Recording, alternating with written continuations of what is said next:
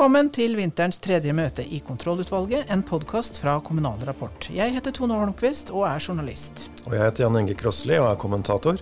Og som vanlig så skal vi se på noen av ukas viktigste og morsomste saker i Kommune-Norge. Første sak er koronakrisepakka. Regjeringa skal kanalisere 1 milliard kroner gjennom kommunene til hardt ramma lokalt næringsliv Ordfører Trygve Skjærdal i turistbygda Aurland forteller hvordan de vil bruke pengene. Og Det er batteribonanza i kommunene. 80 kommuner vil bygge den batterifabrikken som Equinor, Hydro og Panasonic har utlyst konkurranse om. Og informasjonsdirektør Halvor Molland i Hydro forteller hva som må til for å vinne 2000 arbeidsplasser. Regjeringen bestemte denne uka å avlyse skriftlig eksamen til våren som følge av koronakrisa. Det er vår faste ungdomsstemme Daniel Aluku, lederen i Viken ungdomsråd, opptatt av. Og under eventuelt så tar vi et optimistisk splitt-opp. Er dagsorden godkjent? Den er godkjent, og møtet er satt. Koronakrisa fortsetter med store økonomiske konsekvenser for bedrifter over hele landet. Og regjeringen har kommet med en ny økonomisk krisepakke. 1 milliard kroner skal utover våren fordeles på kommuner som har arbeidsledighet over gjennomsnittet. Noen næringer har det tøffere enn andre. Cruisekommunen Auland ved Sognefjorden er blant dem som er hardt ramma, med en arbeidsledighet på 9,5 og Hvordan vil du beskrive situasjonen for turistnæringen i Auland, ordfører Trygve Skjærdal fra Senterpartiet? Uh, jo, det er nokså dramatisk. Nå er vi jo mer enn en cruisekommune. Vi er jo en reiselivskommune, en helårs reiselivskommune. Og uh, i og med at vi har reiseliv hele året igjennom, så, så slår jo dette her kraftig ned. og Det slo jo ned allerede fra dag én i, i, mars for snart et år siden. Da skulle vi hatt fulle hotell og, og et yrende liv i kommunen her. og Turistnæringen var oppe og gikk, og vi hadde gode framtidsutsikter for, for, året som, som, var, og så plutselig var det helt stopp. Hvor mange turister har dere sånn i, i et år sånn til vanlig? Nei, Det tør ikke jeg å, å, å si, altså, men det er altså det, han kan kanskje best illustrere med å, å, fortelle at til og med hotellene her inne er booka fulle i, i jule- og nyårshelga. Så det er, det er et yrende liv stort sett hele året. Hva gjør det med et lite lokalsamfunn og menneskene som bor her, når det sånn arbeidsledighet rammer? Eh, I, I, første del av, av, pandemikrisen så var det jo rett og slett eh, bedrifter vi tenkte på at de skulle overleve. At, at det var viktig at vi hadde det oppe og gikk. Vi, vi, visste jo ikke omfanget og lengden. Men etter hvert så ser en at en må eh, kanskje komme ned på enkeltmenneskenivå og, og, ta tak i uh, de utfordringer som dette her medfører for hver enkelt av oss. Det er borti 200 stykker som er ramma i, i, enten hel eller delvis eh, permisjon. Mange av disse her er eh, arbeidskraft knyttet til reiselivet og med utenlandsk opprinnelse. Det, altså det, det, er familier fra utlandet som har flyttet til som kommunen og jobber. i Auland? Så, eh, så, så da har slått seg ned her. og Det er klart at det er store sjanser for at de blir isolert og de, møter den, de, de mister den sosiale arbeidsplassen, eller møteplassen som en arbeidsplass er. Men nå får dere mer statlig krisehjelp. Eh, detaljene er ikke helt klare ennå. Men hvordan ser du for deg at dere kan hjelpe deres eh, lokale bedrifter?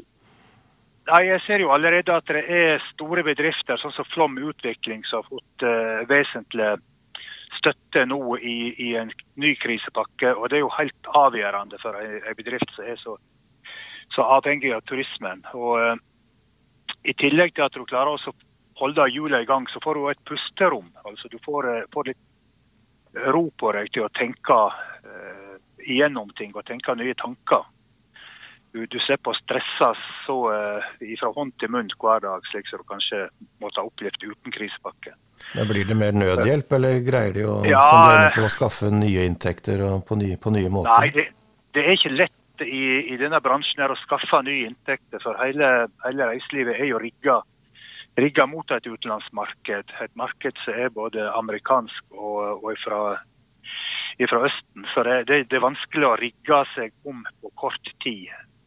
Og, og, så er det jo at på et eller annet tidspunkt så kommer jo markedet tilbake. og da er jo tanken at vi skal fortsette omtrent slik, så, slik som vi forlot, forlot markedet. Mm.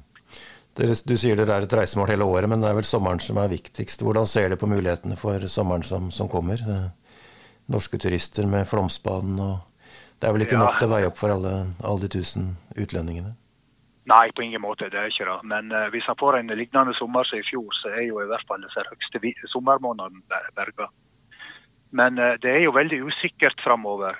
Per i dag så er vi en av veldig få kommuner i landet som ikke har hatt smitte. Men uh, dette kan jo fort snu på seg, så, så kanskje vi er en av de kommunene som er råka akkurat i mai og juni, når vi egentlig skulle hatt turisme her.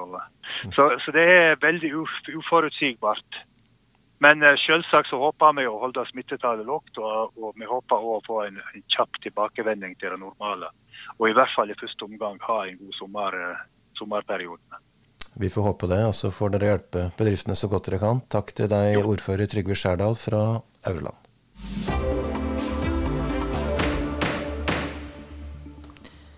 Flere næringer sliter hardt eh, under koronaen, men på noen områder er det optimisme også, heldigvis. Ja, Neste sak er eh, batteribonanzaen som ser ut til å herske i Kommune-Norge for tida. Eh, det er allerede klart at det vil bli bygget batterifabrikker i Mo i Rana og Arendal. Og rett før jul så etterlyste storselskapene Hydro, Equinor og Panasonic kommuner som kunne tenke seg en stor fabrikk for elbilbatterier med opptil 2000 arbeidsplasser. Ja takk, svarte over 80 kommuner over hele landet. Hva syns dere om interessen, eh, informasjonsdirektør i Hydro, Halvor Måland? Dette prosjektet har jo en uh, veldig spennende framtid. Og uh, vi i prosjektet er jo veldig glad for at Eh, interessen for å være vertskap for en, en mulig batterifabrikk er, er, så stor. Og mm. Da viser jo tilbakemeldingene òg fra den invitasjonen som ble gitt om å melde sin interesse. og da det var jo mer enn 80 henvendelser som hadde mer enn 100 forslag til, til tomteområder. Så det er jo, er jo, prosjektet veldig veldig glad for. Mm.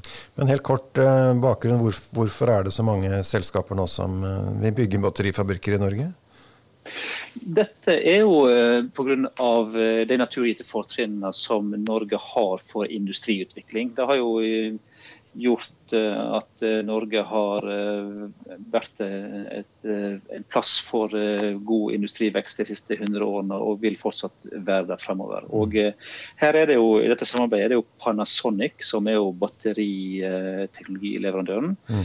Equinor og Hydro, som, som sammen har, har eh, sett på muligheten for å kunne utvikle en, en batterifabrikk eh, i Norge. Og så er det også et eh, si, etterspørsel i EU da, etter, etter batterier som er produsert i, i, Europa? Ja, EU har jo satt opp batterier som et av flere strategiske råvarer og eh, har sagt at en ønsker å gjøre seg mindre avhengig av eh, bl.a. Asia, som har hatt en stor batteriproduksjon frem til, frem til nå. Så Panasonic eh, har jo erfaring fra eh, batteriproduksjon til, til, bil.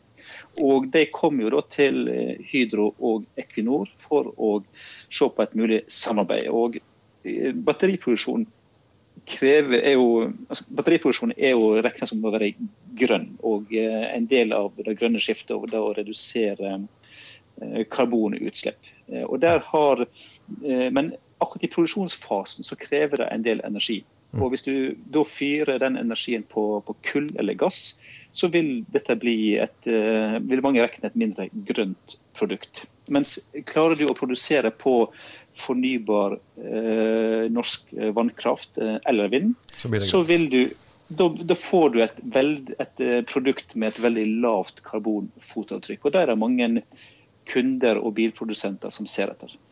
Dere har, dere har noen krav da, til kommunene som kan være aktuelle for batterifabrikk. Hva skal til for å bli den heldige vinner? Det som prosjektet ser etter, er jo en, en, område som eh, har en del krav både til eh, tilgang til eh, kraft.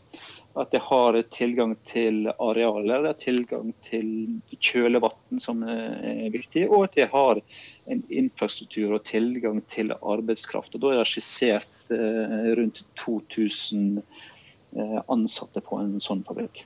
Det er mye kraftkommuner og kommuner hvor det er etablerte industrimiljøer som har vist interesse. Er det, er det en fordel? Hva er det aller viktigste her, og hva, hva er ikke så viktig? Det er jo en, til slutt en totalvurdering. Det vi ser er at det har vært stor interesse. og Det er, det er områder fra, fra, hele landet som har, har meldt, sin, meldt, sin, interesse. Eh, og Prosjektet vil jo nå gå gjennom alle disse eh, forslagene som er kommet inn, og vurdere det opp mot de kriteriene som er satt. Men det er ikke avgjørende å ha egen kraftproduksjon f.eks.? Kraft kan jo, kan jo flyttes. Og det gjennom strømkabler. Det er jo vi vant til i, i Norge. og Det finnes jo sånt. Det er ikke sånn at uh, du må ligge vegg i vegg med et kraft, uh, kraftanlegg. Men det er klart det er jo en, er en, del kraft her, så det kan være områder som, som i seg selv ikke, mm. ikke, har det. Da, Og det er en del ting, ting en må, må da vurdere. Hva er prosessen videre? Når blir vinneren kåret blant kommunene? Nå skal eh, da først prosjektet se på de innkomne forslagene. Så vil det bli gjort en, eh, gjort en vurdering opp mot kriteriene og hvem som kan egne seg. og da kommer en forhåpentligvis ned i, en, i første omgang med 10-15 eh, aktuelle plasser. Og så vil jo da, da gå Målsettingen er at en da frem mot sommeren, når prosjektet skal, skal, konkludere om det er mulig å gå videre med en batterifabrikk, at en da er kommet ned i en liten håndfull med, med aktuelle kandidater. Mm, så I løpet av året så blir det en avgjørelse, og oppstart er planlagt da i 2025. Mange kommuner vil vente i spenning fram til uh, sommeren. Nå vet vi litt mer om hva som er viktig for å bli valgt. Uh, da sier vi takk til informasjonsdirektør Halvor Molland i Hydro.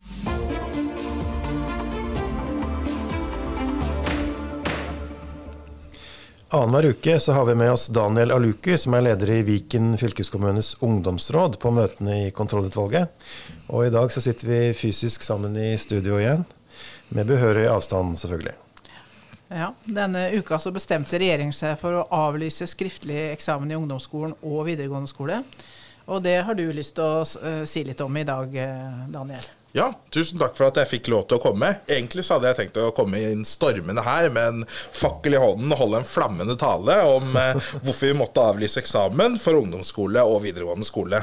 Men eh, så fikk vi litt utpå dagen i går høre at de avlyser eks skriftlig eksamen for alle unntatt avgangselevene på videregående skole og i ungdomsskolen. Og det syns vi er kjempebra. Nå har vi stått på hardt for å prøve å få avlyst denne eksamen, og nå har vi fått et lite gjennomslag. Hvorfor er det bra, syns du? Jeg syns det er bra, for nå ivaretar vi smittevernhensynene, som eh, også kommer til å være gjeldende på våren. Samtidig som elevene får forberedt seg eh, og lært mye mer det stoffet de trenger å lære. Eh, også i den tiden de blir brukt, seg, brukt til å øve på eksamen. For det er en sånn rettferdighetsgrunn her. ikke sant? Alle, man får veldig forskjellig ulik eh, opplæring, rett og slett. Da. Ja. På noen skoler så har det jo vært eh, ganske lave restriksjoner, mens andre har det vært skyhøye. Og elevene har i stor grad sittet hjemme. Og da sier det seg selv at undervisningen kommer til å være vekslende. Men det er ikke alle eksamener som blir avlyst, da? Nei, det er det ikke. Eh, privatistene har også blitt ivaretatt eh, her, og det syns vi er veldig bra. I fjor så var det store usikkerhetsmomenter til om privatistene kom til å kunne få lov til å avlegge sin eksamen. Jeg selv var privatist og var livredd i tre uker. Nå unngår vi at folk sitter livredde på benken. Nå kan de stille forberedt, og de er klare. Så privatistene skal ha eksamen? Privatistene får lov til å ha eksamen, og det syns vi er veldig bra. Ja, så skal det være muntlig eksamen. men det altså, har, de har jo fått ulik opplæring, eh, de som skal ha muntlig eksamen Så Det blir jo ikke helt rettferdig. Det henger ikke helt på greip. Det henger ikke helt på greip, og jeg aner et lite kompromiss eh, i regjeringen. Guri Melby gikk jo veldig hardt ut, egentlig litt før hun fikk noen eh, råd fra noen, og sa nei, eksamen skal vi ha. Og det ser litt ut som et prinsipp regjeringen har lagt seg, og da, nå bøyer de litt av, og jeg tror at de skal bøye seg litt videre. Det får vi se på. Så det er en kamp videre for å avlyse muntlig eksamen nå? Ja, og da vil jeg bare nevne innsatsen som har blitt lagt ned her. Elevorganisasjonen, Utdanningsforbundet, eh, Viken selv. Eh, mange fylkeskommuner har også sluttet seg til dette. Det har stort sett vært en stor folkebevegelse rundt dette. Og Elevorganisasjonen i Viken har stått på og satt i gang en underskriftskampanje som har fått 72 000 underskrifter. Og da vil jeg bare si at det er ikke så mange elever i Viken. Så her er det et flertall elevene rett, rundt omkring i landet som står på og ønsker å få avlyst eksamen. Folkebevegelse. Det er en folkebevegelse. Og det er ikke fordi vi ikke vil jobbe, det er rett og slett fordi vi ønsker å benytte oss av de mulighetene som ligger eh, til grunn allerede, og lære det vi faktisk skal lære. Ok, det, da var det eh, oppfordringen denne gang. Eh, også avlys også muntlig eksamen. Eh, Da Oppfordringen denne gangen er eh, tusen takk for at vi fikk eh, lov til å avlyse eksamen. Nå må vi se videre om det er mulig å avlyse videre. Rett og slett fordi at man har fått et ulikt læringstilbud, og man, og man trenger å få gå gjennom hele pensumet. Kampen fortsetter. Takk til Daniel Aluki, vår faste ungdomsgjest.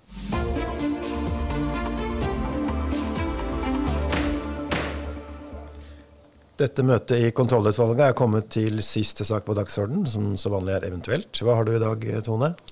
I dag så avslutter vi som Jahn Teigen med et splitt-opp. Det er jo da snart et år siden Teigen døde, og Sara, dattera hans, skal auksjonere bort eh, 300 gjenstander fra Teigens samlinger. Den eh, folkekjære artisten er jo Tønsbergs store sønn, men kommunen har ikke råd til å kjøpe noe.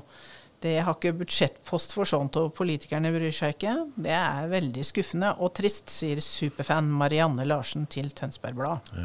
Dårlig kommuneøkonomi får mange utslag, men det er ikke bare pengene det står på, ser jeg. Nei da. Eh, kultursjef Unibu synes også det ville vært vanskelig å velge mellom alle gjenstandene. Og hvor skulle de hatt det? Vi har jo ikke så mange steder å henge det opp, sier hun. Det er mange problemer.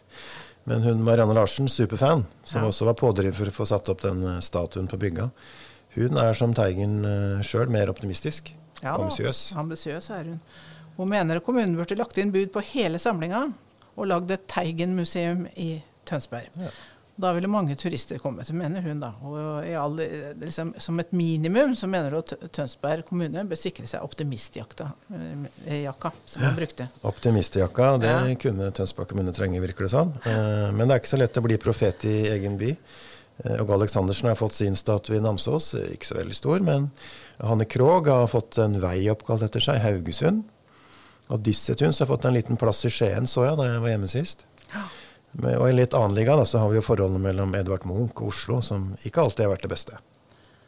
Nei, eh, i motsetning til eh, Tønsberg så slapp eh, Oslo kommune da å betale for Munchs samlinger. Kunstneren donerte jo alt til byen i 1940 for at ikke tyskerne skulle ta bildene.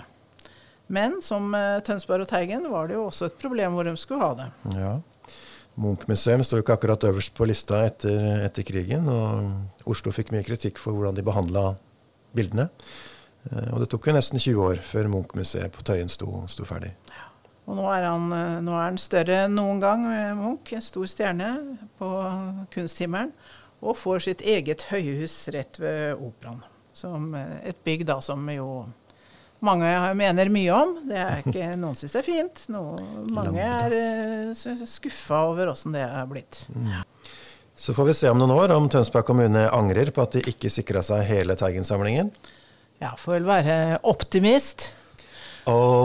Optimist, jeg vet det går bra til sist. Så lenge jeg lever her, er jeg en optimist.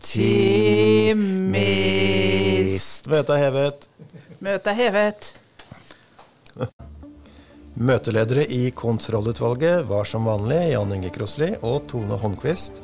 Magnus Knutsen Bjørke har hjulpet med det tekniske, og Jonas Brekke Krosli har laget vignetten.